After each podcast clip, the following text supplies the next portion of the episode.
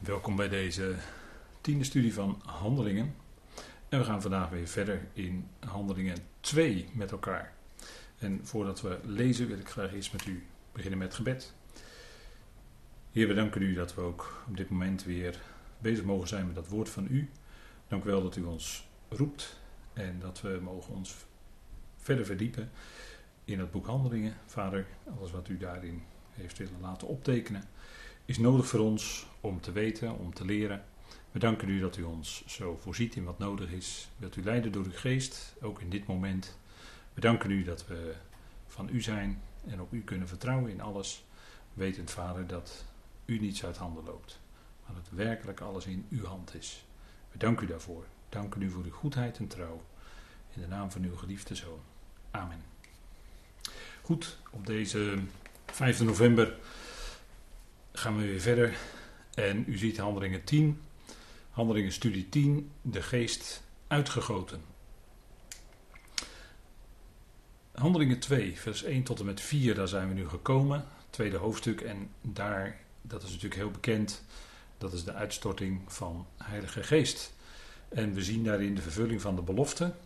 En dat beantwoordt aan, en we hebben dat gezien in de, in de structuur in het verleden, dat die discipelen daar wachten op de belofte van de Vader. Handeling 1, vers 14 lezen we met elkaar. Deze bleven alle eensgezind volharden in het bidden en smeken. Met de vrouwen en Maria, de moeder van Jezus. En met zijn broers. Zij bleven dus bidden en smeken en wachten op de belofte van de Vader. En dan lezen we in Handelingen 2 de vervulling van die belofte. En de Heer Jezus had het aan zijn discipelen aangezegd in de opperzaal. Maar hij had er ook over gesproken toen ze in de 40 dagen dat ze met elkaar optrokken na zijn opstanding. En dat was natuurlijk een geweldige tijd voor de discipelen. En nu zou die andere trooster, zoals we ze gezien hebben, die andere trooster die zou komen. En zo zien we dat in dit gedeelte, Handelingen 2, men de vervulling van de belofte ervoer. In vers 1 staat, in Handelingen 2 vers 1, u ziet het hier op deze slide staan. In het aanbreken van de dag van Pinksteren waren allen tezamen op dezelfde plaats.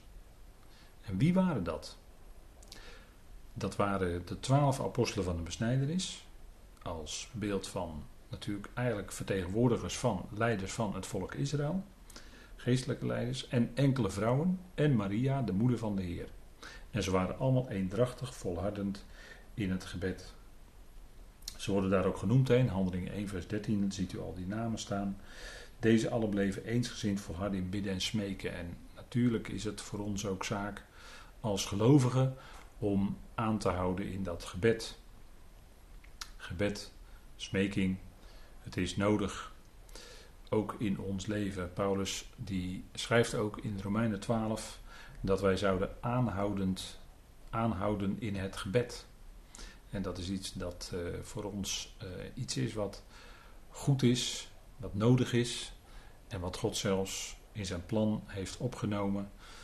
God wilde schepselen creëren zodat hij daarmee omgang zou hebben en zij, die schepselen, zijn liefde en genade zouden waarderen. En dat ook in dankbaarheid uitspreken. En zo kunnen we de Heer dagelijks danken voor alles wat Hij ons geeft. En dat is ontzettend veel. En die apostelen van de besnijdenis, die waren daar ook bij betrokken. En zo zien we dat het aanbreken van de dag van Pinksteren, dat is eigenlijk, dat weet u, de vijftigste, waren zij allen tezamen op dezelfde plaats. En zo konden zij gezamenlijk die belofte van de Vader afwachten.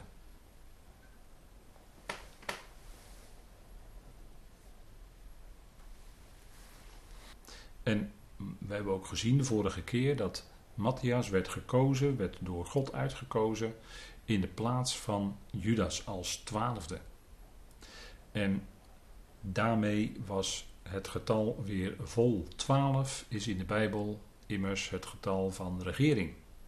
Twaalf stammen van Israël zullen regeren met een ijzeren roede over de natieën. En dat is iets dat in Openbaring 12, als u mij vraagt, bedoeld wordt. Als daar gesproken wordt over die mannelijke zoon, Openbaring 12, dan zijn dat 144.000, 12.000 uit 12 stammen. Dus u hoort het, hè? 2 keer 12, 144. En de 12 apostelen zullen op 12 tronen zitten in de wedergeboorte, zei de Heer Jezus in Matthäus 19, om de 12 stammen van Israël te regeren. Dus je ziet, 12 heeft in de Bijbel te maken met regering. En zo, met Matthias erbij. En Matthias betekent Gods geschenk. Nou, dat was het ook voor die andere discipelen.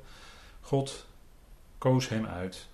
En niet Jozef Barsabas, maar Matthias om die twaalf compleet te maken. En zo kon dan dat in vervulling gaan wat God had beloofd. En waar waren zij? De groep is bij elkaar in een huis en misschien wel in een van de woningen van de tempel. In ieder geval was dat de plaats van gebed. Hebben we ook gezien hè, in vorige studies dat die, dat die tempel, dat huis, zou een plaats van gebed zijn. Dat bad Salomo, dat zei Salomo, bad Salomo ook bij de inwijding van die geweldige tempel die hij heeft mogen bouwen. En het zou een gebedshuis zijn, zei ook de profeet. En de Heer Jezus haalde dat aan, dat Jezaja dat gezegd had, op het moment dat hij de tafels van de wisselaars omkeerde, dat hij de zweep eroverheen deed, want ze hadden dat plein, wat eigenlijk een, een plaats zou zijn van gebed, hadden zij gemaakt tot een koophandel, tot een koophandelshuis. Hè? En zo was die tempel een plaats van gebed. En vermoedelijk zijn ze heel dicht in een huis bij de tempel, of misschien wel in een van de tempelgebouwen geweest, op het moment dat die geest kwam. De apostelen verbleven eerder in de bovenkamer, maar nu zijn ze bij elkaar in een huis, staat er. Handelingen 2, vers 2 staat dat. Hè? En plotseling kwam uit de hemel en er kwam er een weerklank als van een geweldige windvlaag en het vervulde heel het huis waar zij zaten. Dus dat is een andere plek dan Handelingen 1, vers 13, waar ze zaten in de bovenkamer.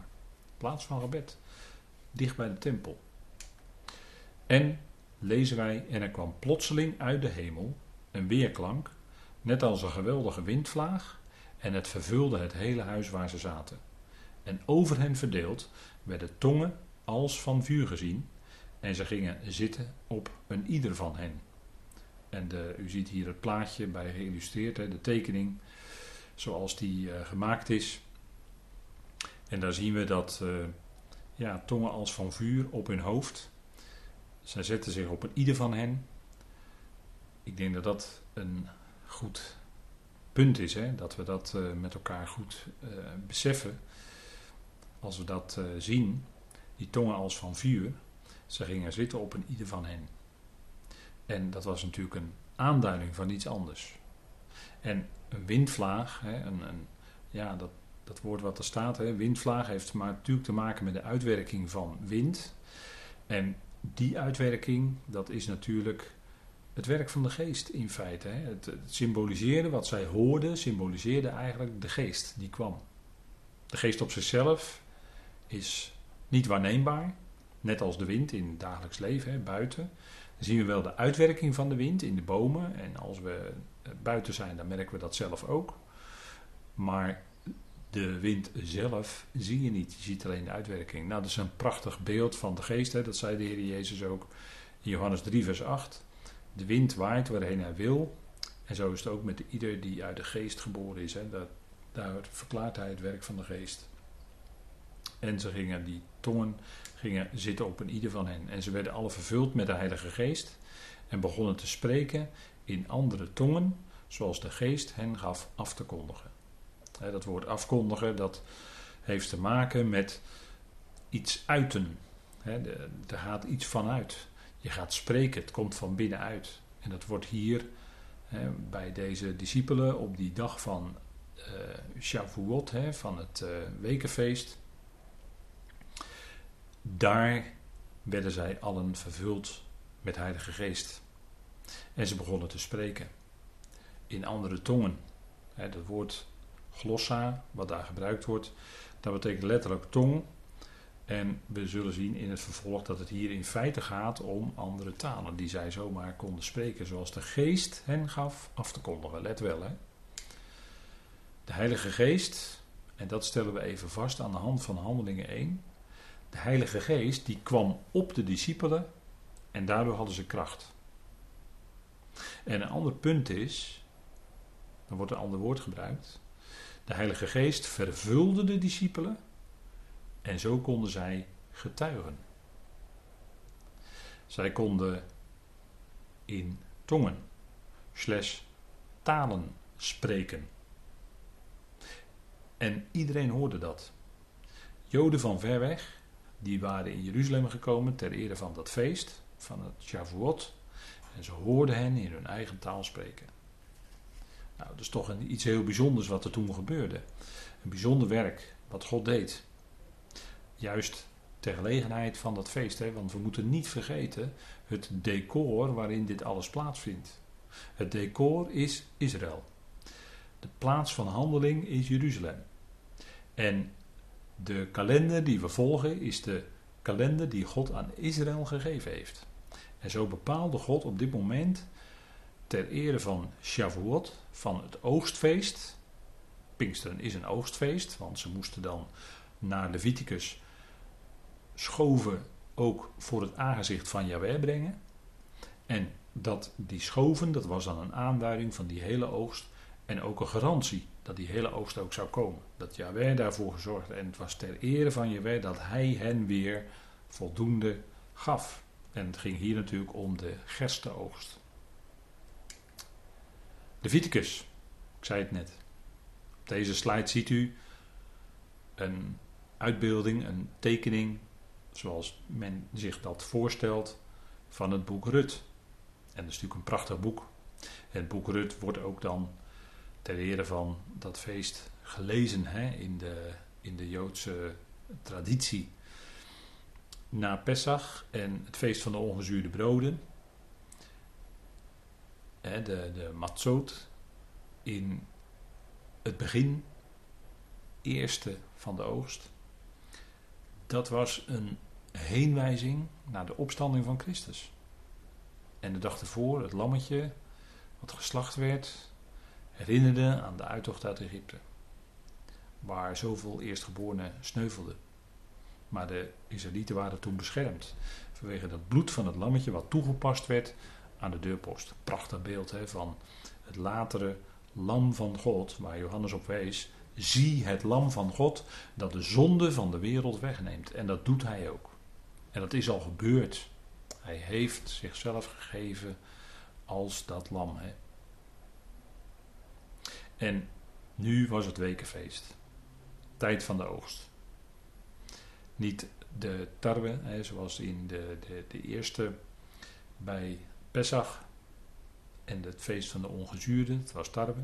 Maar hier gaat het om de gerstenoogst. En het boek Rut, dat begint ook in hoofdstuk 1, dat zij kwamen, hè, Naomi en Rut en Orpa, die kwamen in het land, in de omgeving van Bethlehem ten tijde van de gerstenoogst staat er dan. Dat was eh, bij dat feest. Hè? En dan staat er in Handelingen 2 vers 5, en dat ziet u ook op deze slide staan. Er waren in Jeruzalem vrome Joodse mannen wonend vanuit elke natie onder de hemel. En dat woord wonen is niet zo gek, want zij waren uh, waarschijnlijk al gekomen ter ere van dat eerdere feest, Pesach en ongezuurde broden. En bleven daar dan om dat volgende feest ook mee te maken. Want sommigen kwamen van heel ver weg. En zouden dan weer een reis terug moeten maken. En op het moment dat ze weer thuis waren, zouden ze gelijk weer moeten gaan reizen om het volgende feest mee te maken. En daarom bleven ze waarschijnlijk die tijd van 40 dagen, 50 dagen, bleven ze daar in Jeruzalem wonen. Dat was een heel gebeuren. En dat was ook voorgeschreven dat ze moesten optrekken. De mannen in ieder geval moesten optrekken naar Jeruzalem om dat feest dan te vieren, drie keer per jaar. En dan de derde keer, eh, je hebt dan Pesach en ongezuurde broden, je hebt Shavuot. En dan de derde keer is ter gelegenheid van Yom Kippur, de tiende van de zevende maand. Of wat dan nu is, de tiende van de eerste maand. En dan vanaf de tiende tot de vijftiende Sukkot, het Loofhuttenfeest. En dat heeft Israël nu weer net achter de rug, hè, vorige maand. Er waren in Jeruzalem vrome Joodse mannen. Dat was omdat ze naar de Torah moesten zij optrekken. Dat is, hè, want ik, ik zeg dat erbij om te laten horen dat het decor hier helemaal Israël is. En we hebben ook in de eerdere studies al gezien, het heeft te maken met die lijn van het aankomende koninkrijk. En dat gaat nu weer spelen. En daar zit niets tussen wat iets anders zou kunnen veronderstellen dan dit.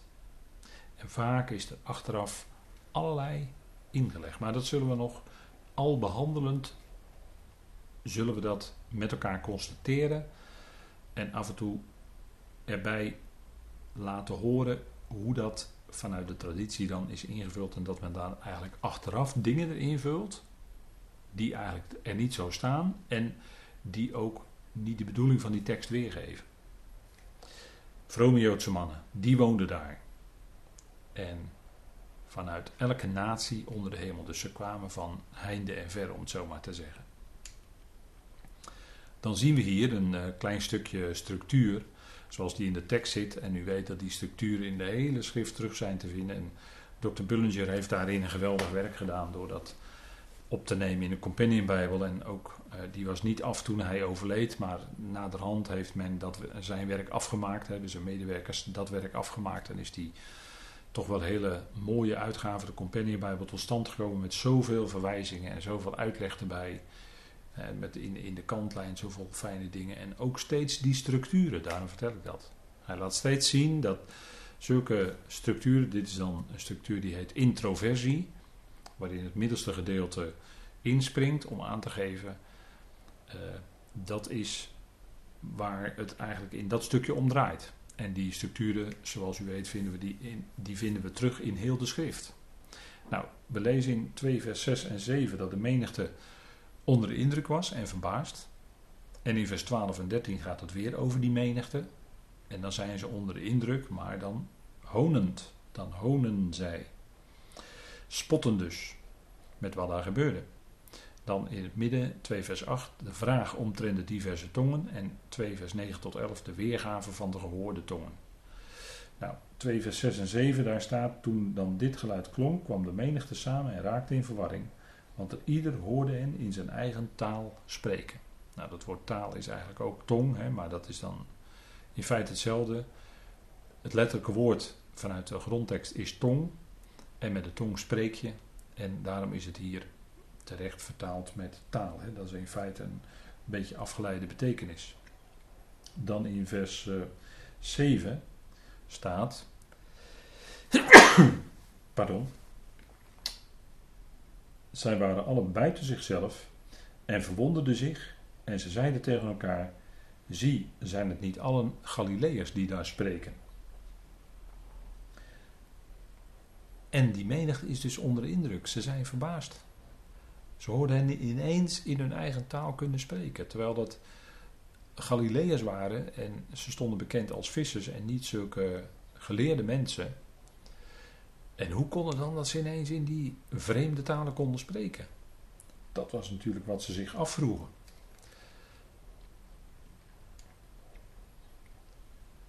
En vers 8, als we even kijken in vers 8, dan lezen we daar: En hoe kunnen wij hen dan horen? Een ieder in onze eigen landstaal. En dan wordt er een ander woord gebruikt. Dan wordt het woord wat wij kennen als het woord dialect gebruikt. Dat is, dat is een duidelijke heenwijzing naar hun landstaal, die ze konden spreken omdat ze in dat land woonden, die Joodse eh, mensen, die Joodse mannen. En dat kon men dan ineens spreken, zodat ze het konden horen. Wat de geest bedoelde te zeggen. En dan staat er ook bij waar ze allemaal vandaan kwamen. Parten, Meden, Elamieten. Nou, Medië en Elam, dat is dat gebied. Hè, als u de studies van openbaring volgt, dan is dat wat bekender voor u. Maar Me, uh, Medië, dat ligt dan wat boven uh, Babel, wat uh, boven Bagdad, Babel, boven wat we nu kennen als het huidige Irak op de kaart. En Elam ligt iets ten oosten van het huidige Irak. Dus dat is een behoorlijk eind weg, zijn ze moeten komen. En zij die inwoners zijn van Mesopotamië, dat is natuurlijk het huidige Irak, Judea, Cappadocië, Pontus en Azië. Nou, Azië is dat gebied waarvan we weten dat daar lag Laodicea, daar lag Colosse, daar lag Efeze, waar Paulus gewerkt heeft en waar gemeentes waren ontstaan en waar hij het nodige aan geschreven heeft en over te zeggen heeft in zijn brieven. Frigië, Pamphylië, Egypte, dus natuurlijk ook dan niet naar het oosten maar naar het westen, de streken van Libië, dat bij Cyrene ligt. Nou, Libië dat is behoorlijk ver weg, dat is nog een stuk verder naar het westen dan Egypte als ook de nu hier verblijvende Romeinen, zelfs uit Rome, hè, Romeinen, zowel Joden als proselieten. Dus daar waren ook mensen uit de volkeren, die waren tot het Jodendom genaderd, dat zijn proselieten, en die waren ook aanwezig, want die, dat waren kennelijk proselieten van de gerechtigheid, want die konden eigenlijk gerekend worden als Jood eh, bij het Jodendom horend, omdat zij de, de, de Torah in acht namen, de voedselvoorschriften eh, besneden, eh, mogelijk besneden waren, waarschijnlijk wel. En dus eigenlijk zich hielden aan al die voorschriften en tradities van de Joden, proselieten, en terwijl het van origine geen Joodse mensen waren, maar toegenade tot, proselieten van de gerechtigheid. En dan had je ook proselieten van de poort, zoals Cornelius in Handelingen 10. Maar we zien dus hier dat in Handelingen 2 al sprake is van proselieten, die ook die toespraak die dadelijk komt in Handelingen 2 van Petrus gingen horen. En ook gezien hebben, en misschien zelf wel een onderdeel van waren, dat ze zich omkeerden tot vergeving van zonde, dat ze zich lieten dopen.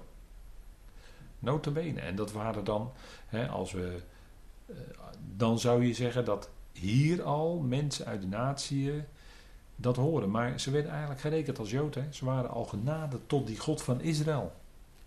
Het waren geen pure heidenen. En dat was Cornelius in Handelingen 10 ook niet. En die woonde in Caesarea, dat is het uiterste van het land. Hè. Dat is ook wat, uh, wat de Heer Jezus had gezegd. Jullie zullen mijn getuigen zijn in geheel Judea, Jeruzalem, Judea, Samaria en tot het uiterste van het land. En dat is Cornelius. Maar die was proseliet.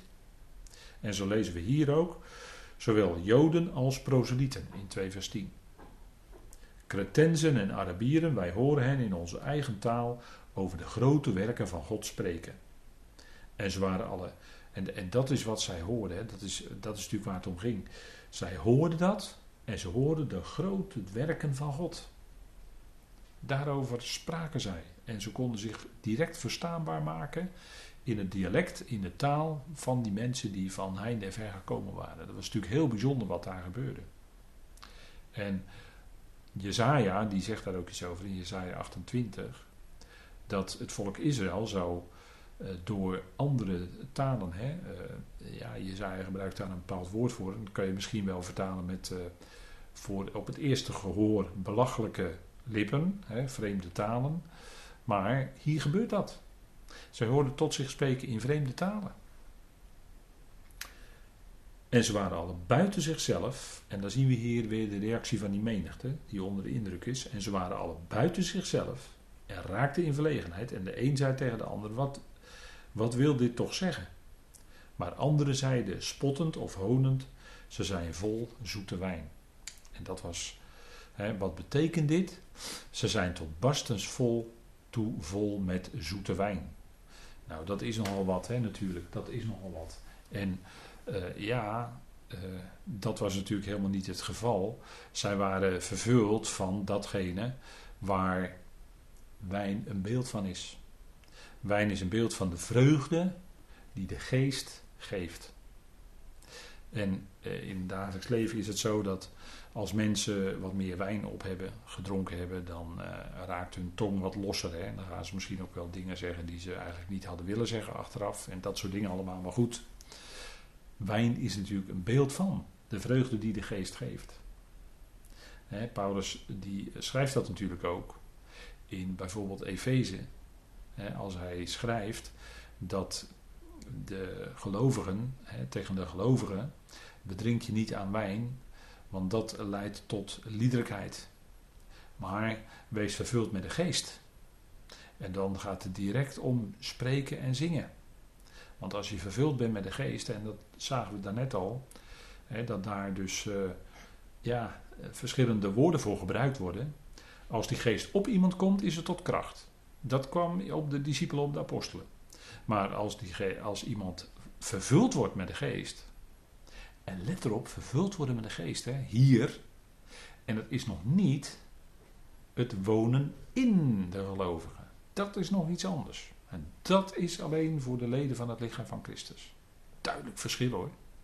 Maar net zoals bij de profeten, bijvoorbeeld bij Ezekiel lees je dat ook, dat bij gelegenheid die geest in Ezekiel kwam en zo kon Ezekiel spreken. En dat gebeurt hier ook. Die geest die kwam in die discipelen, in die apostelen en zo konden zij spreken.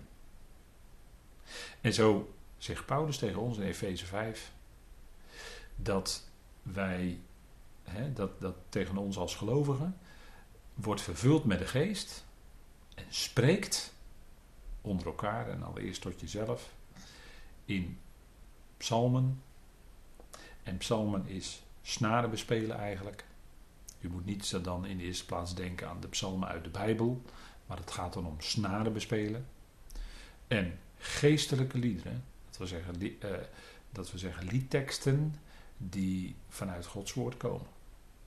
Liederen die we ook, uh, ik zou bijna willen zeggen, die wij de apostel Paulus horen zingen. En wat denkt u van een, een stukje liedtekst in Romeinen 5? Vers 1 bijvoorbeeld. een stukje van zo'n couplet van Paulus.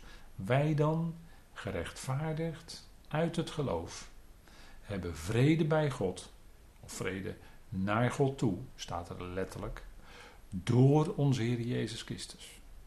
Ah, dat is iets geweldigs, hè? En je hoort het Paulus bijna zingen. Zoals de Joden hun Torah zingen als ze dat opzeggen. Misschien heeft u dat wel eens gehoord bij een bar mitzvah. Of in de shul, in de synagoge. dan zingen ze eigenlijk die Torah. En zo zingt Paulus in Romeinen 5 over het geweldige dat wij gerechtvaardigd zijn uit het geloof. En dat is natuurlijk het geloof van Jezus Christus. En dat is natuurlijk om niet.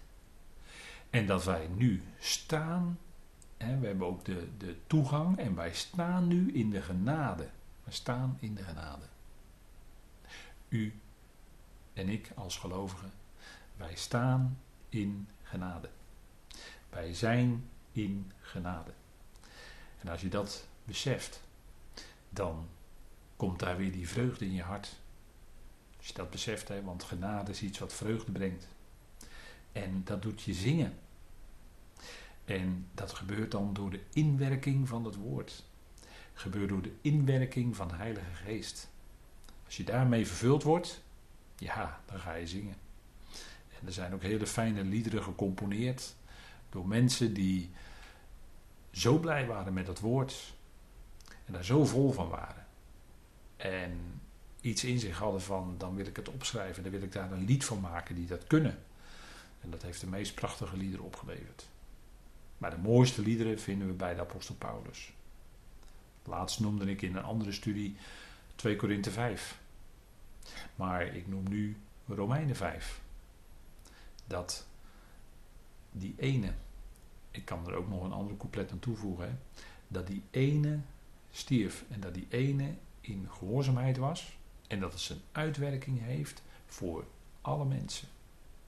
Zoals het door één daad van ongehoorzaamheid van Adam tot veroordeling is gekomen voor alle mensen.